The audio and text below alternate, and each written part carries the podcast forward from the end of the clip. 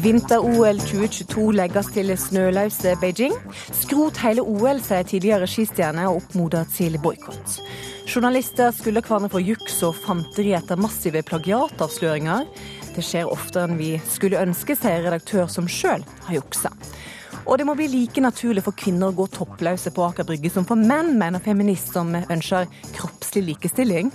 Bryster gynger så fælt at det ville vært vanskelig å konsentrere seg, svarer mann. Jeg heter Sara Victoria Rygg og ønsker velkommen til denne timen med ukeslutt i P1 og P2. I denne sendingen skal vi også prate om tannlegen som skjøt og drap kjendisløven Cecil i Zimbabwe. Mannen er en stor pusling, mener zoolog. Mer om det om litt, men først skal vi prate om OL, ski og mangel på snø. The International Olympic Committee has the honor to announce the host city of the Olympic Winter Games 2022.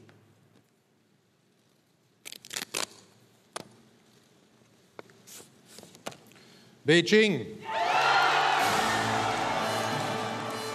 Jubelen sto i taket da det ble annonsert at Beijing stakk av med vinter-OL i 2022.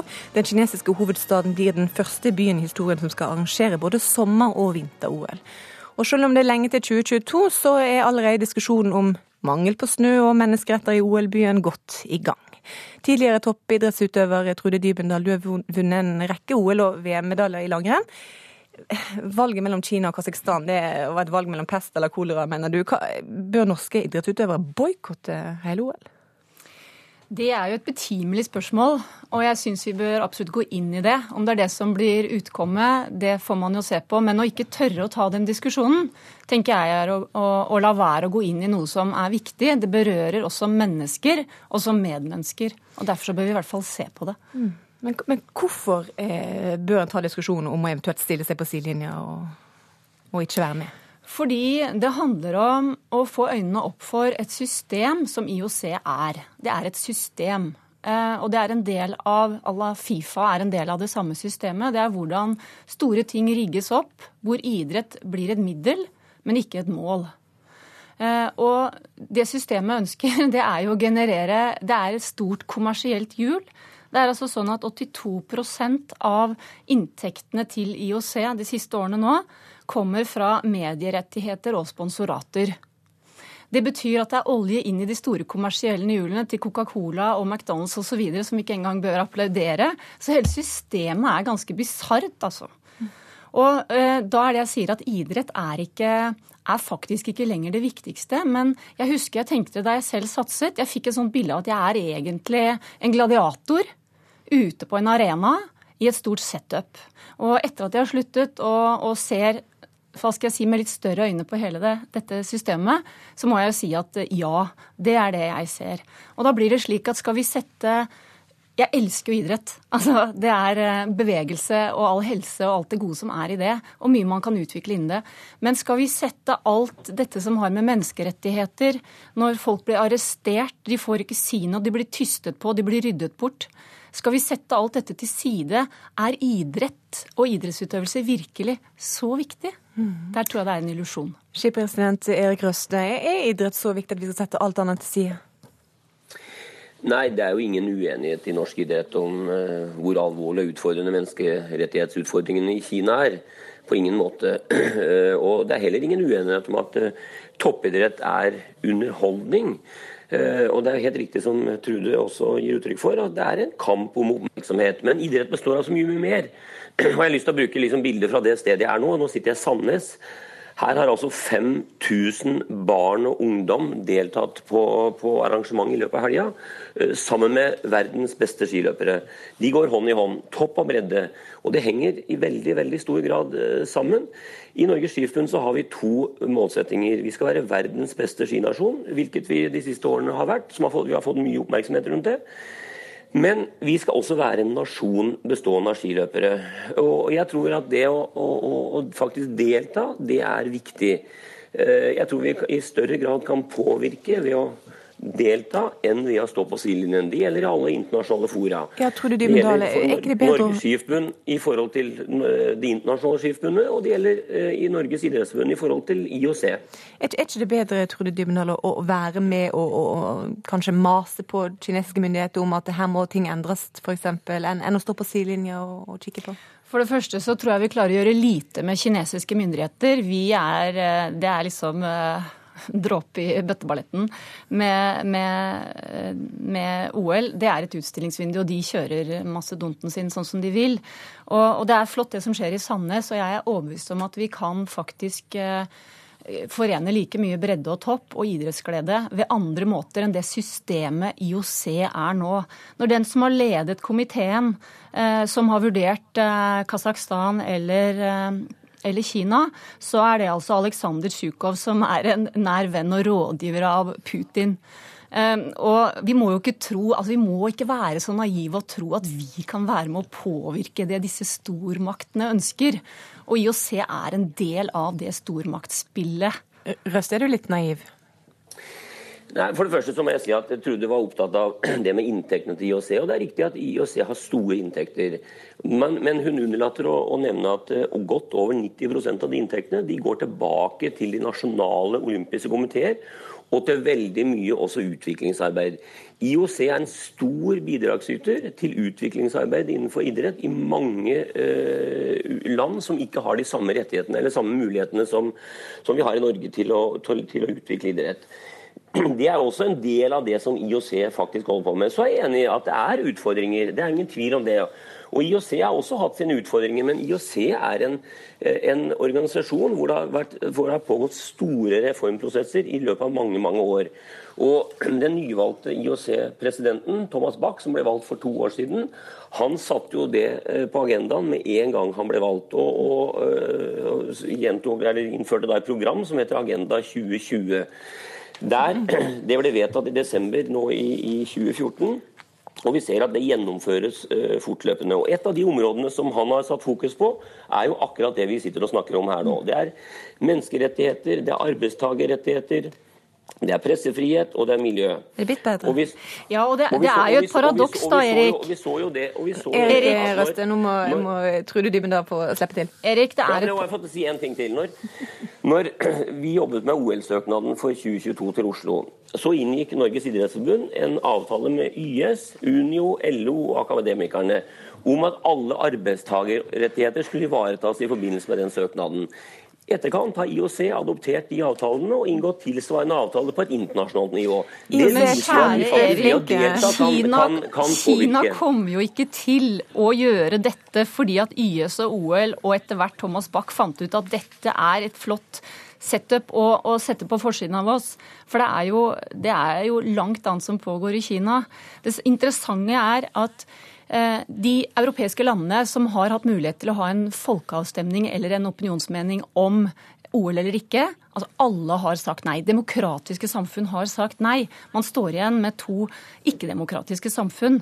Da hadde nå nemlig egen Og dette legger jo Heiberg og IOC veldig stor vekt på, at det skal være folket ønsker OL-et.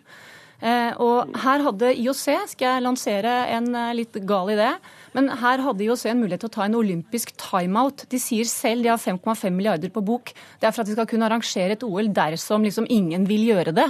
Her hadde man en anledning til å si her brytes et av våre viktigste prinsipper. Det er ikke et demokratisk flertall. Og der man nå siden 9.7 har arrestert og tatt 200 aktivister aktivister og advokater som kjemper for menneskeretter, å kunne si noe. Vi vet det er ikke blitt noe bedre etter forrige OL i Beijing. Så OL bør skrotes? Så er det vel verdt å tørre å si at vi kan jobbe for eh, Erik Røste, idrett på andre måter. Bør OL skrotes, sånn som Dybendal antyder? Nei, altså, vi, er jo lynhøre overfor signaler fra norske myndigheter. Men norske myndigheter ønsker jo en sterk normalisering av samarbeidet med men Kina. Men bør OL skrotes, sånn som de antyder? Jeg må si at, jeg, jeg må jo si at fra vår side så vil det jo være veldig spennende. Altså, det bor Halvparten av verdens befolkning bor i Asia. Mange har Syv av åtte ungdomspartier i Norge stemte nei til OL. Takk til deg, Trude Dymedal, og takk til deg, Erik Røste. Denne veka har det hagla med skuldinger om plagiat og løgn blant norske journalister. Etter at en reporter i Dagens Næringsliv ble tatt for omfattende juks, så har den ene etter den andre skulda kollegaer for å ha gjort det samme. Og det toppa seg da redaktøren for journalistene sitt eget tidsskrift, Journalisten, Helge Øgrim, ble skulda for å innrømme å ha lånt stoff fra andre uten å fortelle om det. Og nå er skuler journalister skeptiske på hverandre, usikre på hvem som lyver og jukser, og vi er alle uroa for hva publikum tenker om oss. Journalist i Dag eh, og Tid, Jon Hustad, redaktør, eh, redaktøren for Journalisten, Helge Øgrim. Han må gå, sa du denne veka. Hvordan vil det løse problemet med juks og fanteri blant journalister? Vil sende et veldig klart og tydelig signal ut til folk om at eh, det Øgrim har gjort, det er helt uakseptabelt. Og så vil vi kanskje få litt mer tillit i, i all ålmente, som det heter på sunnmørsk. Hvor stort er dette problemet blant journalister? Veldig stort. Du ser det veldig godt, spesielt når de uh, bruker saker fra engelske publikasjoner, eller engelskspråklige publikasjoner. Dessverre er norske journalister veldig dårlige til å oversette. og får, Du får da alle disse rare setningene om fokus og lignende, som for en som er språkkyndig er lett å avsløre. Og det, det er veldig omfattende. Å kopiere i Norge er ikke så veldig vanlig når det er norske kilder. Men når det er engelske kilder, skjer det hele tida. Og det er veldig, veldig stort. Men hovedproblemet med det Øgrim gjorde, var jo at han stjal originale tanker om sjakk som han sjøl ikke hadde kapasitet til å gjøre. Ja, Helge Øgrim, redaktør og journalisten. Eh, du har lagt deg flat denne veka og innrømme at du eh, lånte litt stoff fra utlandet. Hvorfor, hvorfor gjorde du det uten å fortelle at du hadde henta det fra noen andre? Altså, det, Dette er en del år tilbake, selvfølgelig. Og det var en sak om Bobby Fishers eh, karriere, hvor jeg henta så langt jeg kan se, hele innholdet i min kortere sak fra den teksten som, som en dyktig journalist i Atlantic hadde laga om hans mangslungne liv og hans politikk osv. Og, eh, og um, jeg har sagt hva jeg mener om det, og kan gjerne si det igjen, selvfølgelig, at det var et uh, plagiat. Akkurat uh, hvordan tankene spant uh, da jeg skrev den saken i 2002, var det vel. Det, det husker jeg ikke nøyaktig. Men eh, Jon Hustad, mer antyder her at du gjorde det for å fremstå som en enda bedre sjakkviter. Blir du litt flau når du blir avslørt? Ja, jeg tror kanskje det med sjakkviter er et, eh, et, blindspor akkurat her. For det tror jeg ville gjort på en annen måte hvis jeg hadde tenkt å svindle til meg den, uh, den æren. Men Var det litt flaut å bli oppdaget og få en ja, smekk på lanken? Er du gæren. Det er skikkelig flaut, og det er pinlig, og det er ubehagelig også. Og det er tankevekkende. Eh, og det gjør at eh, debatten blir skjerpa. Og sånn sett så er den, den eh, avsløringen som Kjetil Rollnes gjorde av den artikkelen på dagbladet.no, den er nyttig. Hva tror du Jon Hustad, det gjør med, med folk sin oppfatning av oss når de hører at vi anklager den ene etter den andre anklager hverandre, og til og med redaktøren for Journalisten står fram og sier ja da, jeg har juksa litt? Nå har vel ikke det norske folk så store illusjoner om presser lenger, heller ikke NRK, jf. Romkvinnesaka. Men det jeg tror effekten av dette blir, det gjør meg litt optimistisk. Jeg tror at eh, journalister blir litt mer skjerpa. For nå, nå må internjustisen fungere bedre, og vi må få et bedre pressens faglige utvalg, og vi må få en bedre etikk. Det som har vært problemet i norsk journalistikk, er jo at det har vært veldig formeldrevet. Vi har et regelverk om hvordan en sak skal være, Vær varsom-plakaten. Men Pressens faglige utvalg har aldri vurdert noe så enkelt som sanninga. Er dette her rett framstilt? Og det er det jeg tror som kommer til å bedre seg i tida framover. Fordi dette er så stort og så stygt og så vondt for mange av oss. og siden Dagens Næringslivs magasinrevisjon er den revisjonen i Norge som kanskje har størst prestisje, så tror jeg at de virkelig vil legge seg i selen og bruke mye mer ressurser på deskarbeid, tradisjonelt deskarbeid, altså sjekke det journalistene har gjort. Mm. Og Således vil nok eh, pressa bli bedre er mer bekymra på disse her internettavisene som driver og skriver av Daily Mail og lignende. Mm. Jeg tror ikke jeg har råd, da. Det er altfor lite penger i systemet til å lage skikkelig god journalistikk. Da får det vel være sånn da, at de får bare forsvinne. Mm. Hvis de ikke har ressurser og ingen vil eh, betale for å lese dem, så, så, så er det ikke noe marked for dem. Men jeg tror dette blir bedre nå framover, faktisk. Ja, du, du, tror vi skjerper oss litt framover, Helge Øgrim. På Facebook så skriver du det kommer nok mer både fra meg og andre. Hva, hva mener du med det? Altså, Jeg ble jo tatt for å ha uh, stjålet uh, analyse fra Atlantic Monthly. Uh, og jeg har vært lenge i journalistikken og skrevet noen tusen saker. Og det er klart at i, i flere enn én av dem så er det kritikkverdig lån uten kildehengivelse i deler av teksten, i hvert fall. jeg har begynt å titte litt tilbake på på egenproduksjon fra 2000 til 2007, da jeg var på Dagbladet. Uh, uten egentlig foreløpig å ha funnet noe særlig. Men jeg, jeg, mener å vite, i hvert fall tror jeg sterkt, uh, som Jon, uh, at i den samlede norske journalisttradisjonen fra la oss si de siste 15-20 årene eh, fins mange eksempler på at man tusker til seg andres arbeid uten å gi dem æren for det. Så det vil nok komme. Men når Jon snakker om revisjonssystemene i DN, så er det selvfølgelig riktig og samtidig tankevekkende at de ikke fanget opp dette. Men mange redaksjoner vil jo ha langt svakere kapasitet til å gjøre et sånt arbeid. Og jeg tror på en måte Eh, egenjustisen, altså selvjustisen, er vel så viktig som internjustisen i redaksjonene. At hver enkelt journalist må bli eh, pinlig oppmerksom på hva, eh, hva, som er etisk riktig håndtering av informasjon man henter andre steder fra. For det vil journalistikken alltid bestå av, også informasjon man henter andre steder fra. Så Vi skal ikke bli veldig overraska hvis det dukker opp et par sånne type eh, saker mer. Jon Hustad, du har avslørt mange eh, sånne type plagierings- og juks og fanteri. Hvordan vet vi at det du skriver er sant? Ja, sett i lys av at jeg har avslørt både Alnes og andre banditter, så, så vil jeg være uhyre dum om jeg sjøl dreiv på på samme måten. Så eh, om det vil dukke opp sånne saker med meg Jeg er nokså trygg på at eh, det er tilstrekkelig mange der ute som nå er sure på meg og driver og sjekker meg. Og finner de noe, ja, så skal jeg legge meg så flat så det overhodet er mulig. Takk til deg, Jon Hustad, og takk til deg, Helge Øgrim.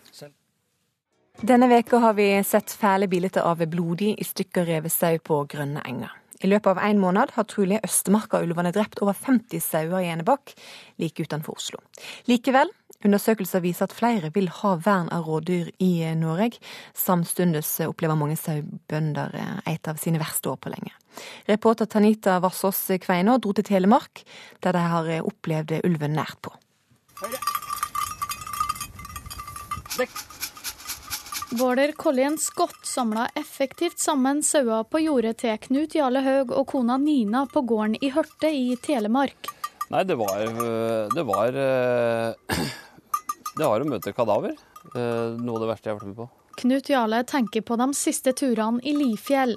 Han og kollegaene har funnet en rekke sauekadavre, og så langt er tolv bekrefta tatt av ulv. Noen av lammene har bare blitt bitt litt, sånn at de åpenbart har pintes sakte i hjel. Det som var at det var det siste lammet som var født her i vår. Så det husker jeg det igjen. Så jeg syns egentlig det var, det var ganske fælt se der at eh, det store, fine lammet skulle bare bli bitt i hæl. Uten noe mening. De frykter at ulven vil forsyne seg av mer sau før året er omme. Jeg både frykter at, eh, at det er flere som ble tatt i det angrepet, og jeg frykter at eh, Det er klart når det har skjedd én gang, så tenker man alltid at det kan skje igjen. Jeg frykter at det er mer ulv. Jeg frykter at den ulven kan komme tilbake. Det er sånn så noe som jeg går og tenker på, eh, spesielt nå etter dette skjedde. Regnet øser ned over Telemarksfjellene, og sauebonden vet hva han har gjort om han har fått ulven i kikkerten. Hvis du har gått deg på den ulven eh, oppi her nå, hva hadde du gjort da? Hvis, eh, hvis papiret var i orden, så hadde jeg skutt. Han tør nesten ikke å si det høyt. Han har sett hvor mye hets ulvejegere kan få, sjøl om det er fullt lovlig å skjøte ulven. Men jaktlaget har foreløpig ikke sett snurten av han, og kanskje skyldes det en høyrepolitiker fra Telemark. Jeg har vært ute i telt og kosa meg, jeg har vært ute med kano, og jeg har sørget for å iallfall ikke være nødvendig for å være helt stille i skogen. Mannen som ikke lusker rundt når han går på tur i skogen, heter Petter Ellefsen.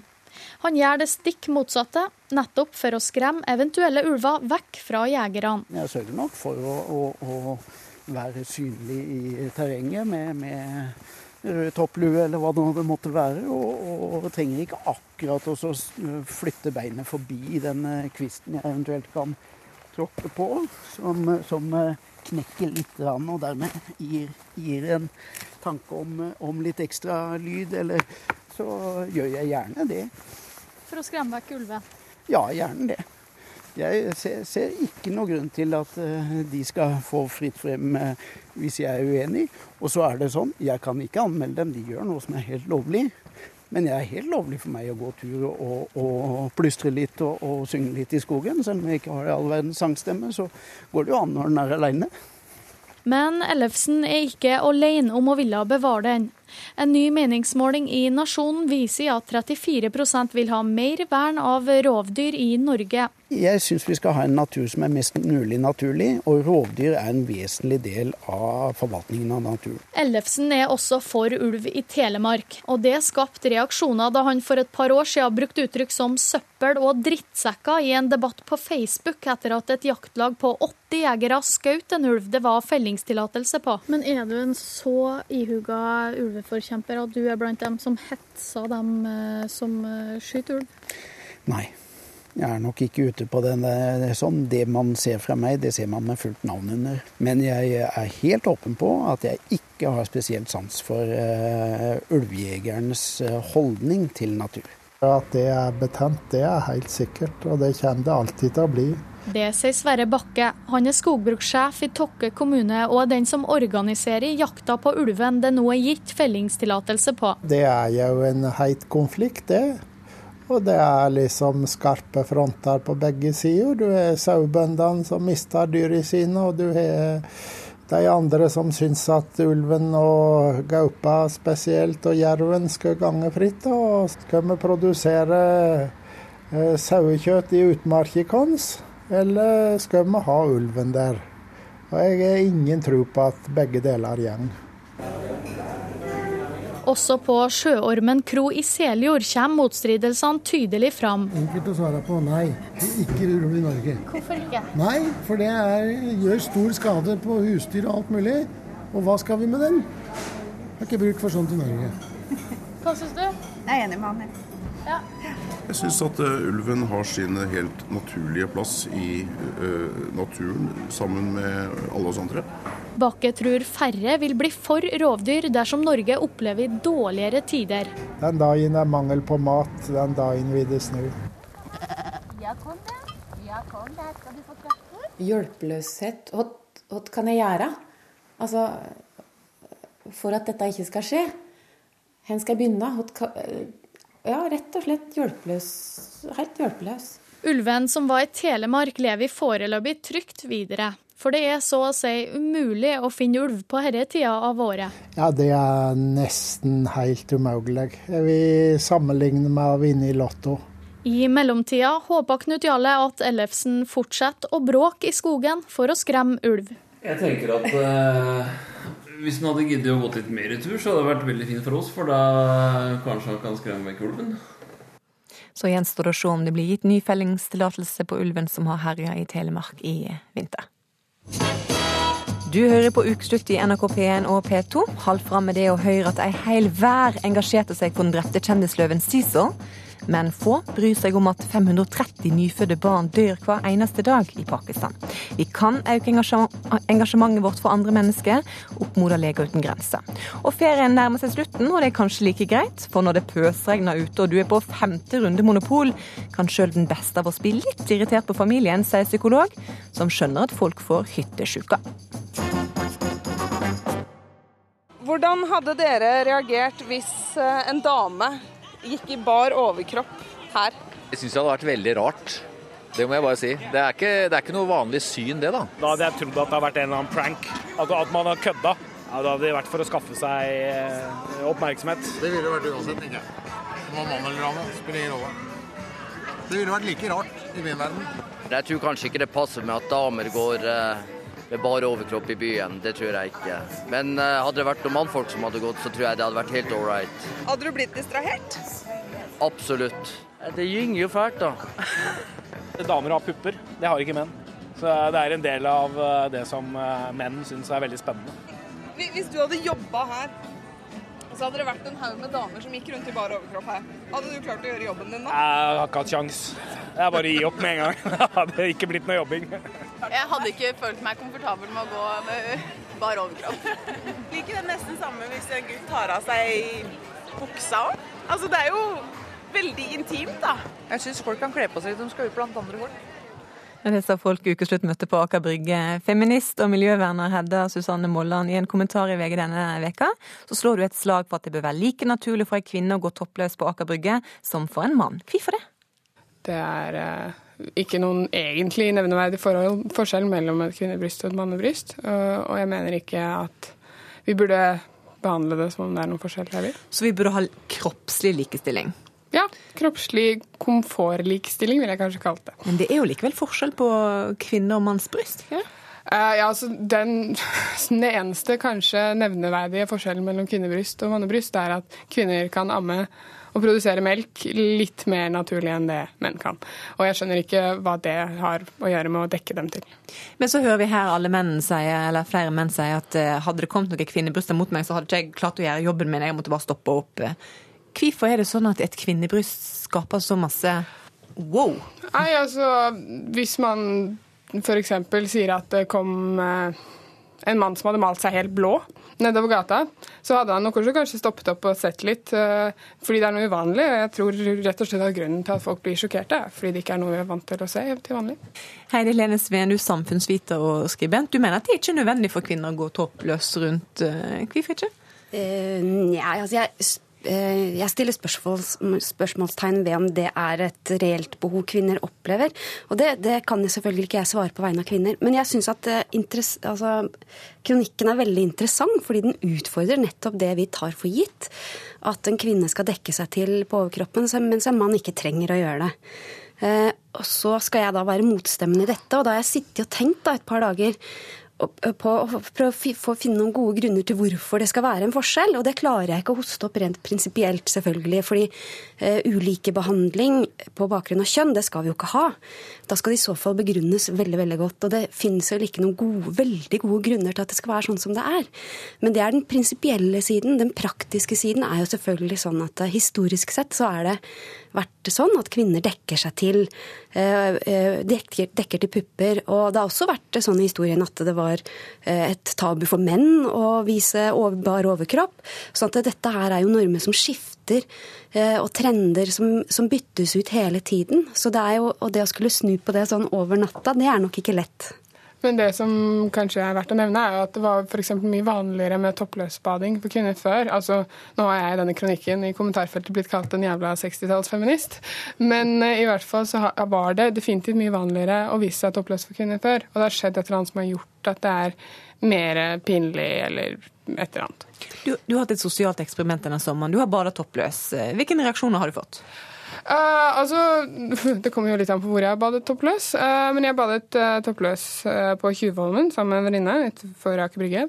og da opplevde jeg at mens jeg var ute og svømte, så kom det tre menn på vel min alder som satte seg ned ved stigen og stirret på meg idet jeg gikk opp. Og at det var ja, veldig, veldig mange blikk, selvfølgelig. Folk blir jo litt overrasket, men også en del litt uh, ubehagelige kommentarer som jeg overhørte. Da. Heidi Lensveen, dersom alle hadde bada toppløs, både menn og kvinner, da hadde vi sluppet tre sånne grisete karer som sitter og glor?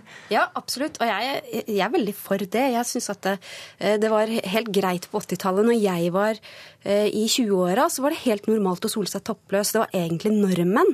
Men jeg kan også huske at jeg syntes det var litt plagsomt når gutter jeg kjente, som jeg pleide å treffe på byen f.eks., eller som jobba i en eller annen butikk jeg handla i, gikk forbi og så puppene mine. For det var jo faktisk sånn at selv om det var naturlig å ligge der med bare bryster, så visste jeg at jeg skal i en kontekst seinere hvor det ikke er naturlig at eh, personer vet hvordan puppene mine ser ut.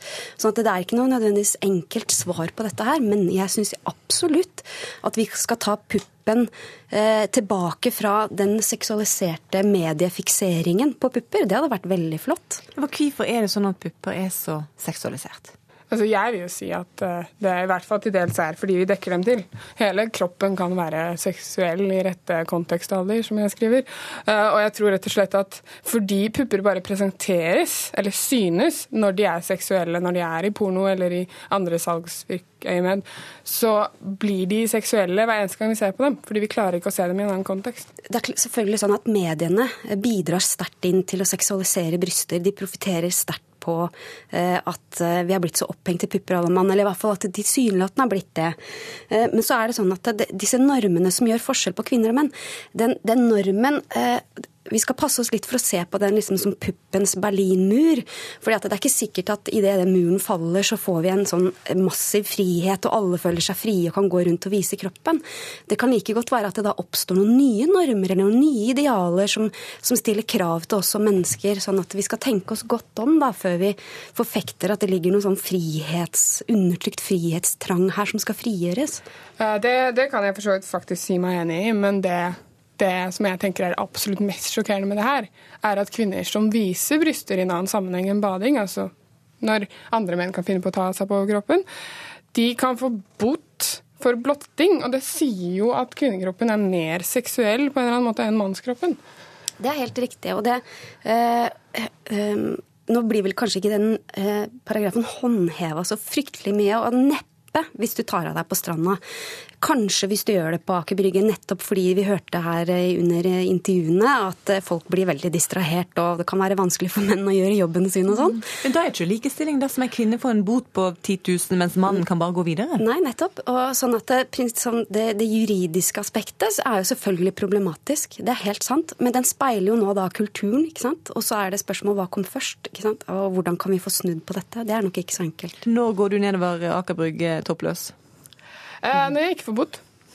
For den blir dyr å betale? Ja, det kan man jo kanskje si. Jeg er student, jeg har ikke helt råd til å betale et sted mellom 3000 og 10 000 kroner bare for å gjøre en politisk statement. Og nå går du toppløs nedover, Heidi Lene Sveen? Aldri. Sannsynligvis. Takk til deg, Heidi Lene Sveen, og til deg, Hedda Susanne Molland.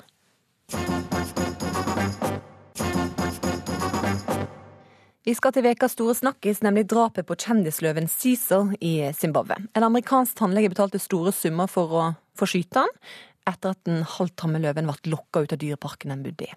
Over hele verden har drapet fått merksemd, folk har demonstrert og kjendiser har rast. Også i dyreparken i Kristiansand har de fått med seg nyheter om løvedrapet.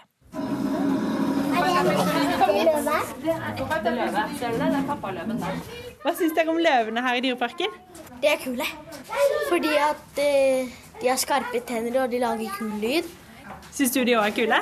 Mm, fordi det har så god lyd. Hvor er løven? Der er løven. Det er. Har du hørt om den eh, saken med han som betalte penger for å drepe den løven i Afrika?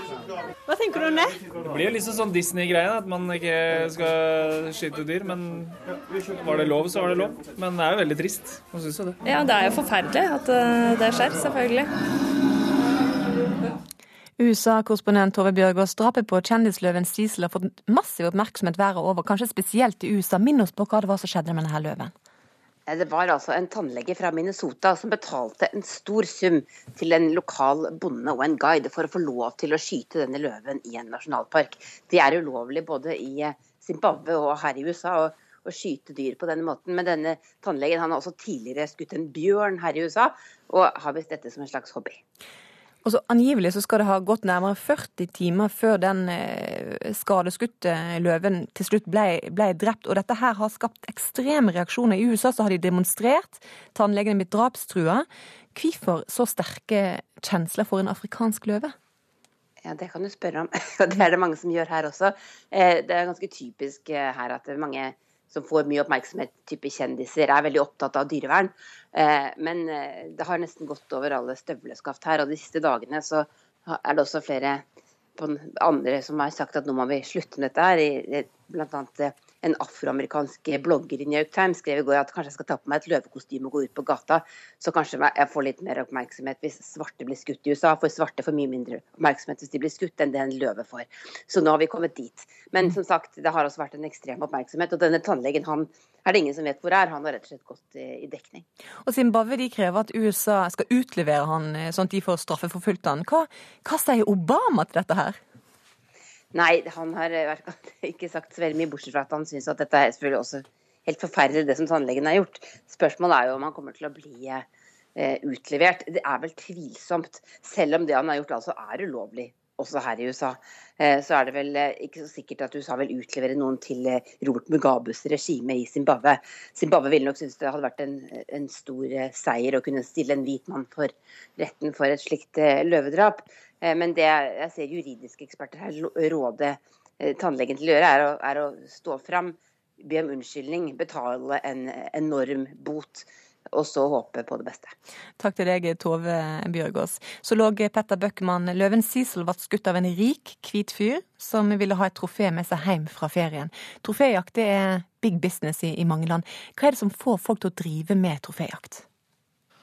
Det er en hva skal jeg si, tradisjonen etter Hemingway. Dette handler om uh, menn med mye penger og mye makt, som gjerne vil vise at de har mye penger og mye makt, og evnen til å dra og skaffe disse tingene. Det er ikke, det er ikke gjort en håndvending å dra med seg en løve hjem, eller en, noen av disse andre dyrene man jakter på, være seg det er elefant eller det er uh, fancy hjortedyr eller antiloper eller sånn. Det, det, krever en god del. Så når du kommer hjem til en sånn fyr som har veggen full av jakttrofeer, så er det ene tingen er at han faktisk er rik nok til å dra og skaffe dem, og, og han har uh, evnen til å ta seg fri og makt osv., men han har også evnen til faktisk å skaffe dem, og det, dette er ikke gjennomsnittet vi snakker om. Og så er det jo man tjener penger på, på troféjakt i, i, fattige land. Det er også troféjakt er det er tveget sverd. for En ting er at det skytes sjeldne og, og, spektakulære dyr. En annen ting er at mange steder i verden så er det ganske god orden på dette. Det er opprettet uh, viltparker hvor disse dyrene kan være. Lokalbefolkningen tjener ganske gode penger på det. Dette gir dem en insentiv til faktisk å bevare disse dyrene. Dette gjelder særlig kanskje i Afrika. Nesehorn i Afrika hadde muligens vært utryddet hvis det ikke hadde vært for nettopp disse viltparkene viltparken som gjør at folk vil ha dem. sånn at På den ene siden så vil vi jo helst ikke at disse dyrene skal skytes. På den andre siden så hjelper disse parkene med til å bevare dem. Så det er sånn ja, nei, man blir sånn og klø seg litt i skjegget. Men, men Cæsar han var ikke en sånn park. Han, han var i en, en, dyrepark for at folk skulle komme og se på han. Han ble lokka ut av buret. Og, og for, for, mange er kanskje jakt eh, dette her med å være ett med naturen, eller kanskje å føle seg som en mann. Men du er ikke mye mann når du lokker en løve ut av et bur for å skyte den? Ja, det var vel ikke han som hadde lokka han ut av, uh, ut av den Noen scenen han ut. Noen har ja. lokket ham ut, ja. Altså, dette har jo da krysset grensen fra å være litt etisk tvilsom storviltjakt til å bli en regulær forbrytelse. Han skulle tøffe seg, men hele verden, for hele verden så er han bare en liten pusling, en feig type som, som skyter løver. Han er, er vel ikke engang en liten pusling, han er faktisk en stor pusling. Han er mer en stor skurk. Um, han, uh, han har nok ikke vunnet noen venner på dette, nei. En hel verden har reagert. Tannlegen er utsatt for drapstrusler. Nå krever Zimbabwe at han blir utlevert eh, fra USA til, eh, til, eh, til Zimbabwe for å bli straffeforfulgt. I Norge så ble vi fly forbanna for noen år siden da en danske skjøt og drap albinoelgen Albin. Hvorfor reagerer folk så kraftig på sånne typer saker? Dette er enkeltdyr. Det er på mange måter lett lettere å sette seg inn i enkeltdyrs skjebner. Dette er på en måte en slags kjendiser i dyreverden. og det er litt som, Vi vet at det blir jo drept en del mennesker i Norge hvert eneste år, og i verden også særlig, men alle husker da f.eks. John Lennon ble drept, drept som en spesiell sak. Dette er dyreverdens svar på det fenomenet. Dina Hovland, du er feltarbeider i Leger uten grenser. Denne veka så presenterte dere, som dere gjør hvert år eh, de siste fem årene, en liste over de glemte krisene i verden. Altså kriser som dere mener blir glemt av media, politikere og befolkning. Hva tenker du om at én løve får så mye oppmerksomhet når 530 nyfødte barn i Pakistan dør hver eneste dag? Det er jo klart at det, det er et paradoks, men det er jo, altså på den andre siden så kan jeg jo tenke at folk eh, lar seg engasjere. Eh, når de på en måte får høre om eh, en skjebne. Og det er jo menneskelige skjebner egentlig vi trekker frem også. Eh, De 530 barna som dør hver dag, de har mødre som er lei seg for å ha mistet sine barn. og og det er de menneskelige skjebnene vi ser. Så jeg tenker den engasjementet man har for én løve, det engasjementet kan man også eh, øke for eh, de menneskelige Det er ikke noen motsetning. Mm. Redaktør i Nettavisen Gunnar Stavrum, hvor mange artikler har dere hatt om eh, den drepte løven Sisol denne veka? Vi har skrevet tre artikler om Cecil. Og hvor mange eh, artikler har dere hatt om de glemte grisene? Én. Hvorfor, hvorfor, er det sånn at det er enklere å skrive om denne løven enn de store, vanskelige tingene? For, som f.eks. at tre av fire i fattige land ikke får mental helsehjelp? Jeg tror det er noe av det samme som er grunnen til at folk leser mer kriminalbøker enn statistikk. Vi klarer å identifisere oss med enkeltpersoner, enkeltskjebner. Vi klarer å leve oss inn i, i den type ting. Men vi, vi, klarer ikke å ta inn over oss ting som rammer, eller ting som er tall. Et godt eksempel er det voldsomme engasjementet i Norge for eller mot vaksine mot meslinger, og det nesten totale fraværet på engasjement på alle som dør av meslinger hvert år i Afrika. Men, men Hvordan tenker du da at Leger uten grenser kan få en, et større engasjement rundt de her sakene her? Ved å gjøre det de gjorde denne uken. Det å lage en liste over de ti verste og glemte krisene, er jo dramaturgi. Det gjør det jo interessant igjen. Saker som, eller som situasjonen i Tsjad, f.eks., som vi skriver lite om. Når det kommer på sånn liste, så får det på en måte fokus på det. Så dramaturgi er tingen. Og jeg tror det er såpass enkelt som at vi klarer å ta inn over oss enkeltpersoner. Vi var alle engasjert når én person i Leger uten grenser ble smittet av ebola. Nesten perverst mye mer interessert i den ene sykepleieren enn katastrofens rammer. Men så i neste omgang ble vi også mer opptatt av den katastrofen. Mm. Zoolog Petter Bøckmann, hva ville du ha lest først? En artikkel om en drept løve, eller den som handler om at malaria dreper et barn hvert eneste minutt? Jeg er jo zoolog, så jeg vil jo selvfølgelig lese om løven først.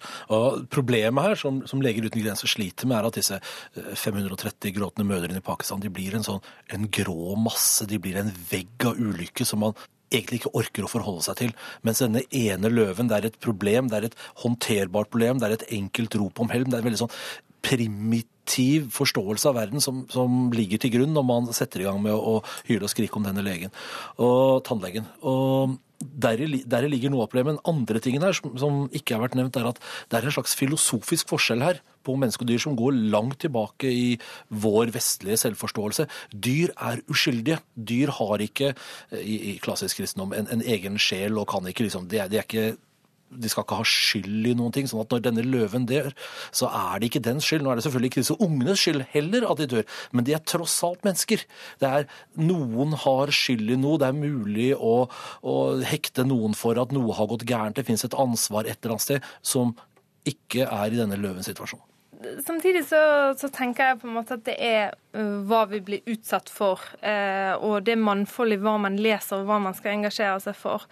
For jeg tror at hvis man hadde hørt historiene til den, eller mange av de kvinnene jeg møtte i Pakistan som har født tre barn hjemme og mistet alle sine barn, alle kvinner som har født et barn i Norge med god helsehjelp, eh, og ikke måtte, og vet hvor vondt det er å føde, og slapp å føde hjemme, eh, skjønner, eh, skjønner at, at det er et problem, og, og kan engasjere seg i, i den kvinnen ene kvinnen sin situasjon som, som har mistet eh, alle sine tre barn pga. dårlig helsehjelp mm. eh, og fødselshjelp.